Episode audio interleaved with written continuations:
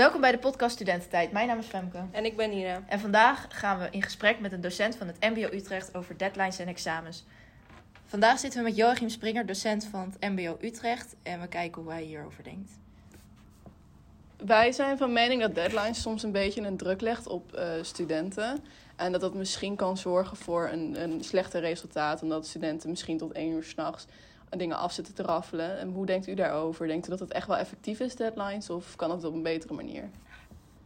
Uh, nou, ik denk dat deadlines er wel bij horen. En wat, wat zou het alternatief dan zijn? Want je moet toch een keer je opdracht inleveren. Maar is het niet beter om één moment te nemen voor een, een toets? Of dat we gewoon dat je bepaalde verslagen eraf haalt of het aan de student vrijlaat. En als hij het niet inlevert, is het aan de student. Als hij het, dat cijfer niet krijgt, dan kan hij eigenlijk niet klagen, want hij heeft genoeg kansen gehad het hele jaar door. Ja, ik denk dat het eigenlijk al een beetje zo is. We werken hier met deadlines en um, als een student niks inlevert, dan, dan, uh, dan heeft uh, de student nog recht op een herkansing. Dus in principe hebben we dus twee deadlines voor inleverwerk.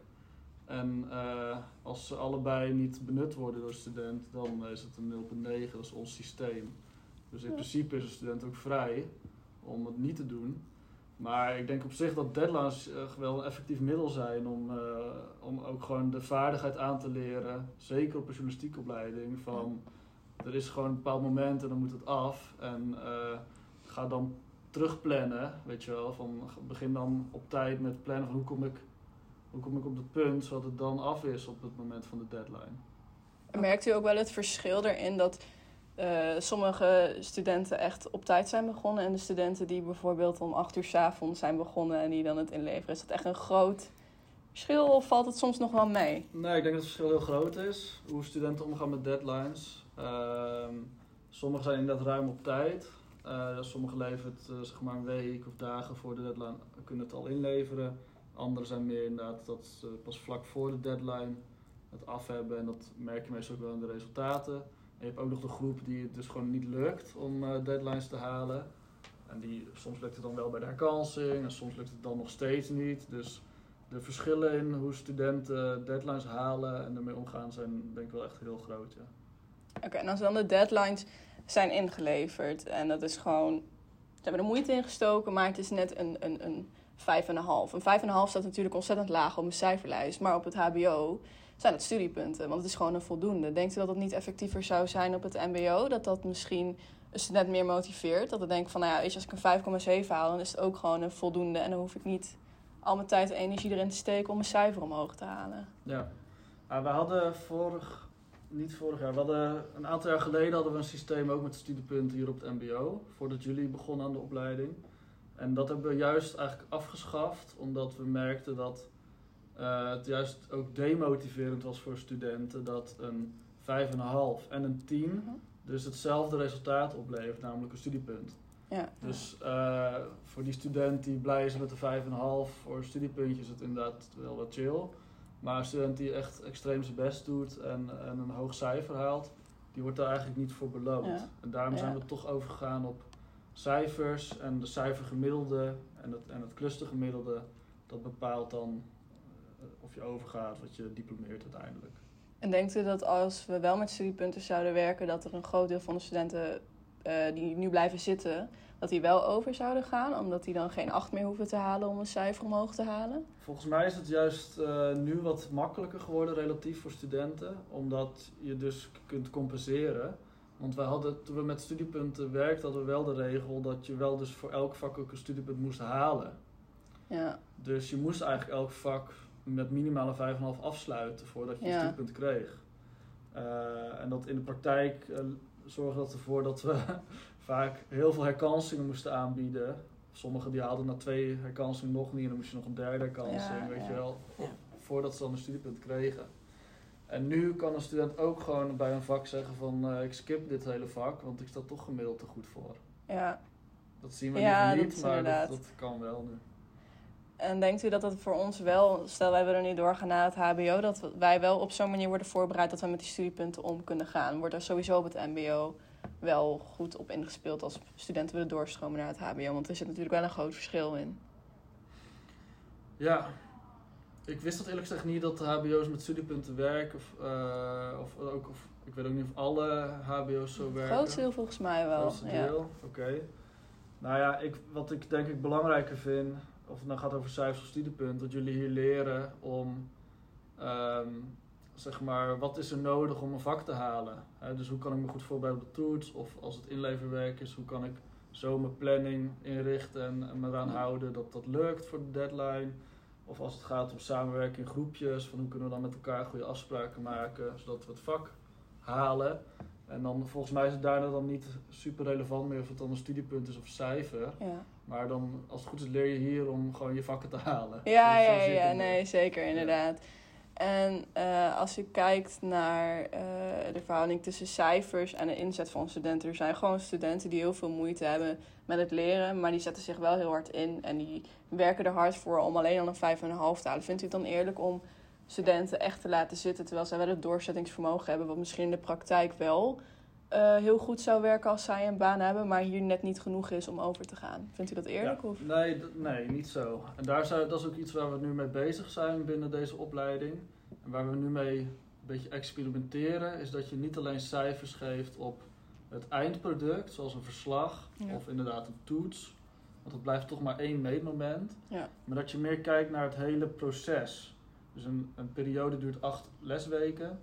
En kan je nou bijvoorbeeld ook beoordelen op hoe een student die acht weken heeft gepresteerd in de les en eh, door thuis opdrachten te maken.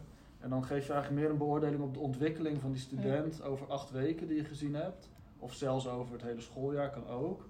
In plaats van op dat ene eindproduct. Ja. En dan als voorbeeldje, bij, stel jullie moeten voor eh, journalistiek een artikel schrijven. En eh, dat, inderdaad, de ene student die gaat een dag van tevoren zitten en die knalt er gewoon een artikel uit. Ja. En dat zou misschien een 8 waard zijn. Een andere student doet extreem veel moeite. Maar heeft bijvoorbeeld iets van heeft dyslexie of, of heeft gewoon moeite om de woorden op papier te krijgen. En dat artikel zou een 6 waard zijn. Dan kan het dus interessant zijn om na te denken over een andere manier van beoordelen. Waarbij je juist die student met de 6 zeg maar ook, ook complimenteert in een cijfer of een beoordeling met het proces. Want die heeft daar wel dus acht weken heel serieus aan gewerkt. Ja. En dat is iets waar we nu wel echt mee bezig zijn. En ik denk zelf dat dat, dat ook wel meer zou moeten. Dat het eerlijker zou zijn om meer naar, naar de ontwikkeling te kijken dan alleen naar het eindproduct. En denkt ook wel dat een houding van een student zou veranderen in een klas? Dus hij weet dat als hij oplet en toch een beetje inzet toont, dat dat ook genoeg is. Want ik denk dat heel veel studenten zich misschien niet goed genoeg voelen in een klas, omdat ze net niet meedraaien. Ja, Dat dat toch een houding verandert en dat dat echt resultaat ook echt levert zodra dat omgedraaid wordt. ja ik denk wel trouwens dat het en-en moet zijn. Dus eh, je kan niet alleen heel erg je best doen en nog, eh, als je nog steeds een eindproduct Nee, nee, nee, inderdaad. Eh, dus als eindproduct Ja. moet denk ik ook wel beoordeeld worden, maar ik denk dat het, dat het beter allebei kan. En, ik, en dat zou denk ik heel motiverend kunnen zijn voor studenten die ja, gewoon misschien wat meer moeite hebben met zo'n opdracht, maar wel beloond worden op hun inzet ervoor. Zou u het misschien een goede oplossing vinden? Kijk, elke student die heeft eh, moeite met bepaalde vakken. Dat, dat zij de kans krijgen om echt te zeggen van... dit vak haal ik niet. Bijvoorbeeld voor sommige mensen die dyslexie hebben... een journalistiek vak waar ze veel artikelen moeten schrijven. Dat ze dat gewoon kunnen laten vallen. Want dan krijgen wij hier in ieder geval nu niet de kans voor. Zou je vinden dat dat op elke mbo of hbo school de mogelijkheid voor zou moeten zijn? Ehm, laten vallen is inderdaad nu niet echt een, eh, een optie. Maar wat, wat wel zo is, is dat, de, dat wij bij overgang naar het volgende leerjaar vooral kijken naar de, de clusters waar de kerntaken in zitten. En bijvoorbeeld het cluster met, van de keuzedelen, waar alle journalistiekvakken in zitten, die, ehm, die worden op een andere manier geëxamineerd. Ja. Dus als, we als jij als student merkt van nou die cluster van de keuzedelen, dat, dat lukt wat minder, dan blijf je daar niet op zitten of zo. Dus op zich is er al wel wat ruimte voor studenten om ook te, ja, als het ware, wat, gewoon te accepteren dat sommige vakken niet zo goed lukken. Ja, Dus ik denk dat er wel een beetje is. Waar we ook heel erg nu mee bezig zijn, eh, zijn natuurlijk die plusroutes, hè? die plusvakken, keuzevakken. Dus in jaar drie komt dat ook weer terug voor jullie. Dus dat je toch wel als. Dus het gaat niet echt over laten vallen, maar het gaat meer over kiezen van wat je wel wil. ja? En, dat, en dat betekent dus ook dat je sommige dingen niet kiest. En dat is denk ik, dat, is, dat valt allemaal onder wat we dan persoonlijk leren noemen. Dat je eigen route kiest door je lo- schoolloopbaan. En ehm, ja, het idee daarachter is dus wel dat je, dat je kiest op je sterke punten. Ja. Of, of je interesses. Ja, precies. Eh, nou ja, aan het einde van dit jaar krijgen we, tenminste in het tweede jaar in deze school, en voor heel veel mensen het laatste jaar komen er examens. Mhm. Ik denk dat daar sowieso al heel veel meningen over zijn. Het is voor heel veel studenten best wel een zenuwslopend moment. En als ik nog terugkijk naar de middelbare school, dat je met z'n allen in zo'n gymzaaltje zit en dan alleen al de, de trillende beentjes krijgt zodra je in het binnenloop zonder dat je weet wat er je te wachten staat. Mhm. Werkt dat? Of merkt u dat dat best wel veel voor slechte resultaten zorgt, omdat dat daar zoveel druk op gezet wordt, dat je echt die examens moet halen? Ehm, op het mbo is het wel iets anders. Dus je hebt niet echt zo'n zo'n week of twee weken, eh, zoals op de middelbare school, dat je alleen maar die, al die examens aan het doen bent in een gymzaal. Het is wat meer verspreid.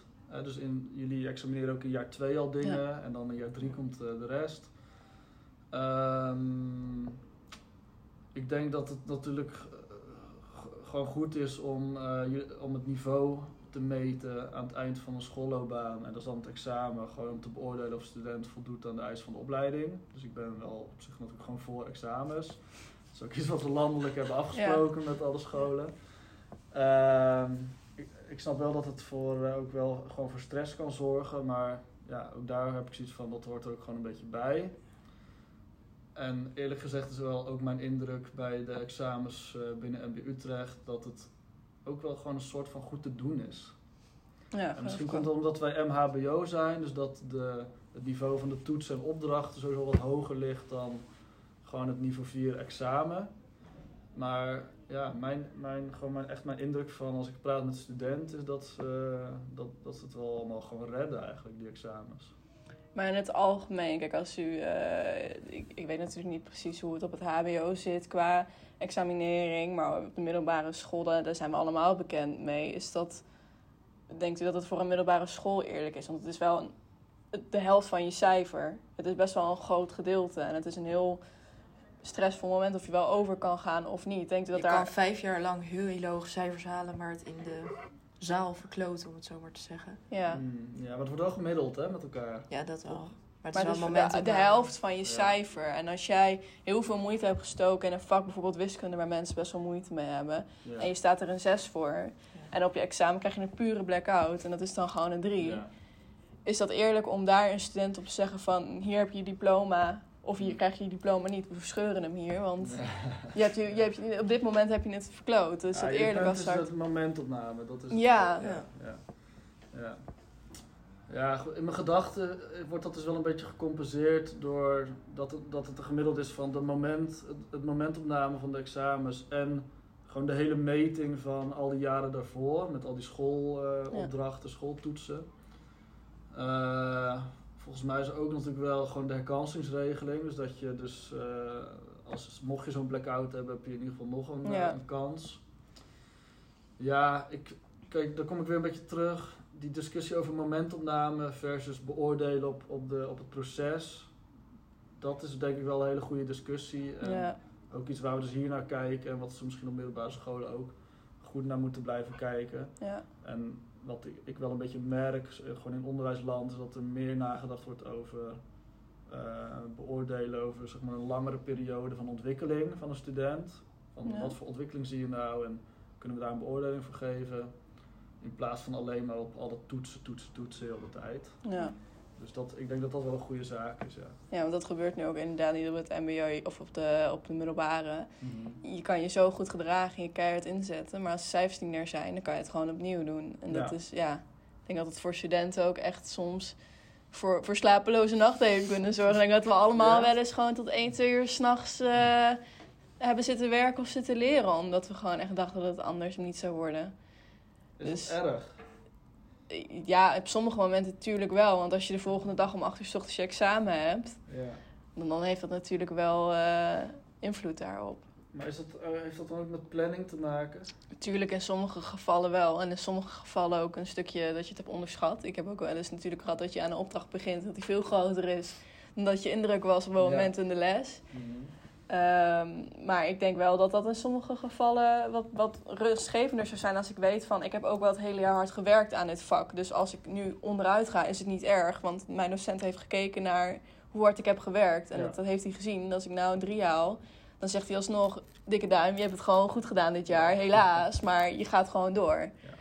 Dus ik denk dat dat, dat dat ook wel zou helpen, inderdaad. Als studenten iets, iets minder afgerekend worden op hun cijfers. Hm, Ja, ja ik, snap het wel hoor, punt. Ik ben Ja. het wel, wel mee eens. Ik, ik vind wel dat het en-en moet zijn. Tuurlijk. Zeker. ehm, ja, je, ja, als ik terugdenk aan mijn eigen studietijd, die nachtjes doorhalen. Ja, ik vind ook, het hoort een beetje bij, dat vind ik wel een soort charme, vind ik. Ja, het is studentenleven, tuurlijk. Ja, en het is ook gewoon de het besef dan naar jezelf, denk ik, van hé, ik heb het gewoon niet goed aangepakt. Want Ja. Ja. volgens mij hoeft het niet. Hè? Dus een teken van nacht doorhalen betekent volgens mij ook altijd van ik heb ergens hiervoor heb ik, eh, heb ik iets misgedaan. Ja, ergens ook wel. En denkt u dat, dat wij daar ook een beetje op getraind zouden kunnen worden, eventueel, in, eh, op school? Of, of is dat, gewoon een kwestie Dat hopen wat wij zit? wel te doen. Dat we jullie ook helpen met plannen. Zeker bij de Ja. SLB-lessen en zo. En, ehm, en eh, door de studiewijzes een beetje duidelijk te maken voor Ja.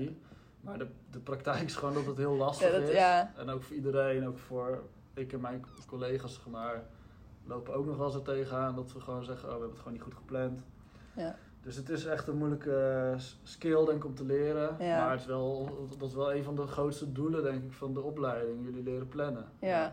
En denkt u, heeft, merkt u dat SLB-lessen echt effect hebben op studenten? Want voor mijn gevoel werkt het bij mij in ieder geval niet. Oh. Ehm, dat, is, dat heeft niks met u natuurlijk te maken. Ik weet niet of u een SLB-klas heeft. Ja. Maar ziet u daar echt verschil van het begin van het jaar... en dat u uw studenten daarin heeft eh, een, een soort van... zo kan je het doen. En dat ze dat ook uiteindelijk doen. En dat daar ook een resultaat uitkomt. Ja, alleen bij sommigen gaat dat binnen een periode, zie je die ontwikkeling. En, en bij anderen is dat een heel jaar, studiejaar. Of soms pas nog zelfs jaar twee en dan zie je Ja. een keer een verschil. Dus dat, Ja, ja, soms heeft dat heel veel tijd nodig. ja. Ja. Maar ik, uiteindelijk zie je het verschil denk ik wel. En eh, kijk, SLB is altijd zo'n vak dat heel eh, verschillend wordt beoordeeld door studenten. En sommigen die vinden het leuk om met die opdracht bezig te zijn, anderen helemaal niet. Maar het is denk ik ook een vak waar je zeg maar onbewust veel uithaalt. Want als we Ja. in jaar drie, als een student hier zijn diploma krijgt, als je dan nog een keer vraagt van hé, hey, SLB, weet je, wat vond je daar nou van? En dan, dan is komt ineens wel dat verhaal van nou, uit- stiekem heb ik daar toch al eh, dit geleerd, Ja. en zus en zo. Terwijl je dat eigenlijk, terwijl je mee bezig bent, niet door hebt. En als ik terugkijk naar uw eigen studententijd... hadden uw SLB-lessen geholpen voor u? Of de lessen die uw collega's geven, denkt u? Had u daar wat aan gehad? Of had u, denk ik, eh, of had u misschien gezegd van... eh, ik doe het allemaal zelf wel, ik kan het zelf wel, jullie zoeken het maar uit. Ik was ook wel heel erg van dat zelf uitzoeken, ja. Ja. Dat wel. Maar ehm, ja, ik had wel altijd veel steun aan eh, een SLB'er of een mentor of zo. Om, om toch te ondersteunen waar het dan nodig was. Ja, precies. Ja. Eigenlijk hebben we heel veel aan elkaar eh, op school, aan de studenten, maar ook aan de docenten. Dus dat is altijd wel fijn. Nou, dat is mooi om te horen. Ik denk dat we het hebben. we ik denk dat we. We gaan u bedanken. genoeg informatie Ja. hebben. Hartstikke bedankt. Ja. Ja, jullie ook. Bedankt voor het luisteren en tot de volgende keer.